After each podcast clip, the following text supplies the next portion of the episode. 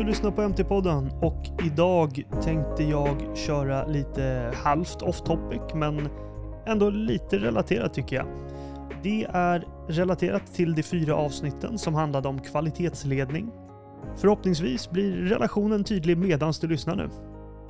I detta avsnitt kommer jag att prata om hur man löser problem. Det kan vara problem som uppstått i form av avvikelser från en intern eller extern revision eller vid ett klagomål från kunder, eller helt andra problem. Du har säkert hört ordet CAPA förut, eller det är väl mer en förkortning än ett ord. Eh, det står i alla fall för Corrective and Preventive Actions och innebär väldigt kortfattat en eller flera processer för att identifiera, ta sig an och lösa problem. Det är viktigt att komma ihåg att inte alla problem eller klagomål kommer att generera en CAPA vad som triggar en sådan för just dig och din organisation måste ni komma fram till själva. Anledningen till att det är viktigt är för att det finns något som brukar kallas för Death by Kappa. Och detta sker när man har rutiner som tvingar fram en kappa för alla smågrejer som händer och på så sätt lägger tonvis med resurser på att utföra arbete som rent krasst är onödigt. Saker som skulle kunna generera en kappa är typ, som jag sa, avvikelser vid intern eller extern revision.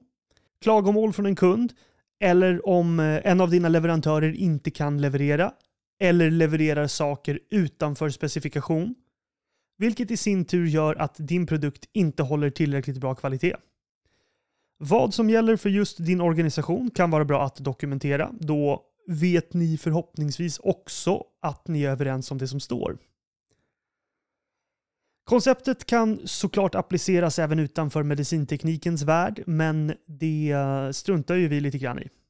Det finns tonvis med guider och mallar online om du behöver det. Guiderna innehåller olika antal steg och lite olika information, men alla syftar till att identifiera orsaken till problemet, skapa en åtgärdsplan lösa problemet och verifiera om lösningen är effektiv både kortsiktigt och långsiktigt. I teorin är målet att det ska vara så pass effektivt att problem inte kommer att uppstå igen av samma orsak. Jag kommer helt enkelt berätta om de fyra steg jag nämnde tidigare. Minst dessa fyra steg hanteras oavsett vilken guide du skulle basera ditt jobb på i framtiden. Om du behöver jobba med det själv i praktiken så kommer du snabbt att inse att alla guider har mellan ungefär 5 och 9 steg. Det finns alltså många fler detaljer och tips i de guiderna som du kan söka fram själv. Till exempel mycket detaljer kring riskhantering, samla data och detaljer kring hur allt ska dokumenteras. Men vi skippar det för att hålla en rimlig tid på avsnittet och eftersom vi som vanligt riktar oss till medicintekniker, inte kvalitetsarbetare, blir ju därför syftet med avsnittet mer att du ska få en känsla för hur och när du ska använda dig av tankesättet kring CAPA. Inte att du ska kunna allt utan till efter ett kortare poddavsnitt som du ändå lyssnar på medan du gör någonting annat samtidigt. Innan vi går in på mina fyra oerhört förenklade steg så kör vi några definitioner. Precis som i QMS-avsnitten. Jag Fick säkert med liknande definitioner i de avsnitten, men vi kör dem igen i så fall. Det är alltid bra med repetition. Först så har vi correction, eller åtgärd som det heter på svenska. Åtgärden är alltså en temporär fix. Att släcka bränder, reparation eller liknande av själva symptomen av problemet. Detta görs innan man ens börjar planera för en långsiktig lösning. Men du hade säkert redan genomfört en sådan correction eller reparation av ren reflex, så vi lägger inte mer tid där. Och anledningen till att jag nämner correction är för att det inte är samma sak som corrective action. Corrective action, eller korrigerande åtgärd, är den första delen i förkortningen CAPA och den definieras som åtgärden av själva grundorsaken, alltså åtgärd av root cause. Sista delen i CAPA, alltså preventive action eller förebyggande åtgärd, är då att åtgärda root cause för ett potentiellt problem som eh, ännu ej har uppstått, vilket är enklare sagt än gjort. Det första steget är ju då att identifiera problemet.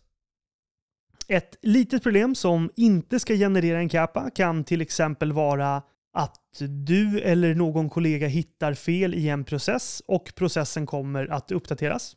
Då uppdaterar du bara processen du skapar inte en hel åtgärdsplan kring problemet, i alla fall inte i normala fall. Exakt vad som ska generera en kappa och inte måste ni bestämma själva och dokumentera såklart.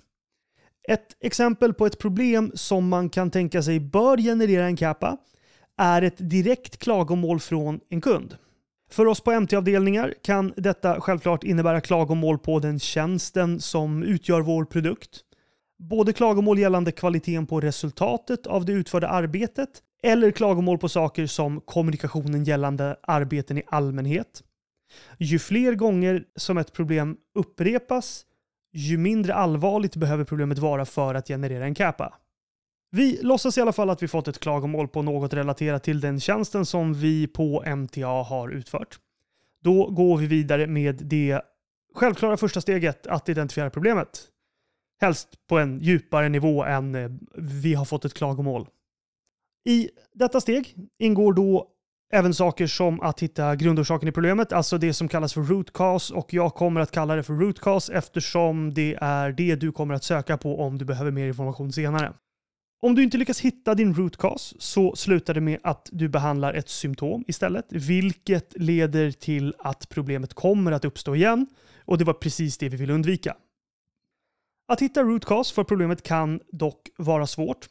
Det finns flera verktyg eller metoder man kan använda, till exempel den metoden som heter fem varför, vilket innebär att man frågar varför på ett sätt som leder till att identifiera ytterligare detaljer till att ett problem har uppstått.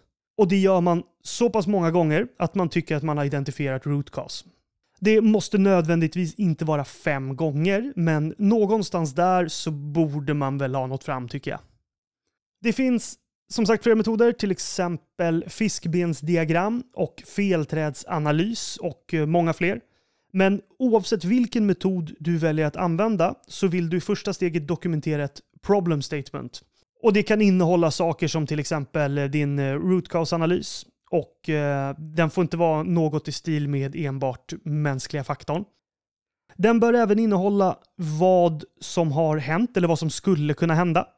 Hur man hittade problemet, omfattningen av problemet och varför det är viktigt att åtgärda eh, och även en detaljerad förklaring av problemet.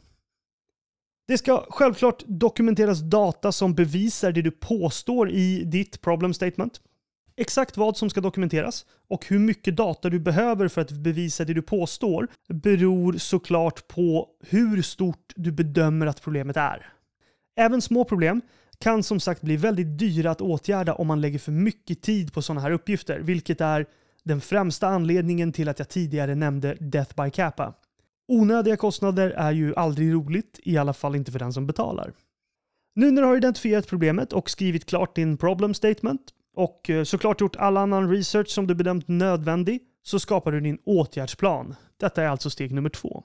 En åtgärdsplan innehåller en lista med åtgärder och eh, åtgärderna innehåller information om saker som vad som behöver göras, vem som ska göra det och hur det ska göras. Oavsett vem, vad och hur så måste alla åtgärder göra det möjligt att följa upp effekten efteråt. Alla åtgärder ska alltså syfta till att åtgärda problemet så pass djupt att root cause åtgärdas helt och hållet. Även här så är det lättare sagt än gjort. I planen måste du också ta hänsyn till att de förändringar du gör kan påverka andra processer eller skapa andra bekymmer som du kanske inte tänkt på om du inte aktivt arbetar med det tankesättet. Det kanske är uppenbart, men på förekommen anledning så är det viktigt för att undvika att skapa ännu större problem när du rättar till ett annat problem. Det är tyvärr lätt hänt om man inte har övergripande koll på sina processer. Steg tre är eh, också lättare sagt än gjort, precis som alla andra delar när man förenklar så här friskt. Steg tre är att lösa problemet.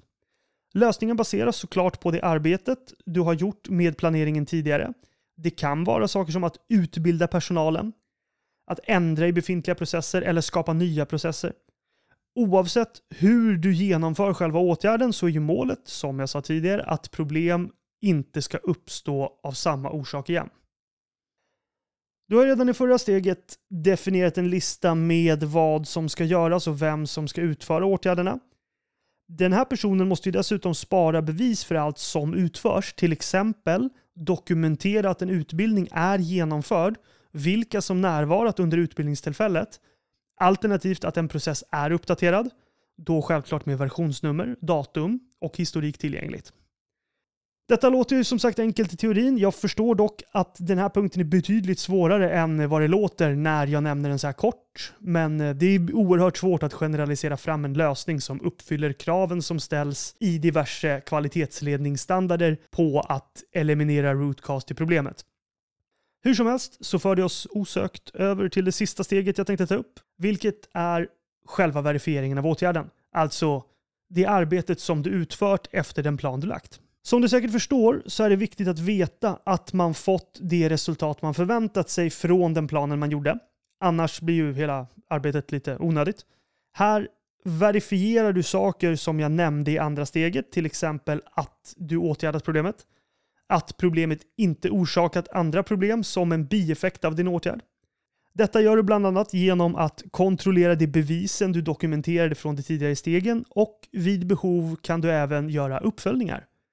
Till exempel om du kört en utbildningssession så kan du göra en mindre kompetenskontroll efter ett halvår för att se om din utbildning gav den effekt som du förväntade dig. Om den inte gjorde det så kan du köra en ny utbildning eller utvärdera andra åtgärder. All eventuell uppföljning ska ju självklart stå i proportion till eh, omfattningen av problemet.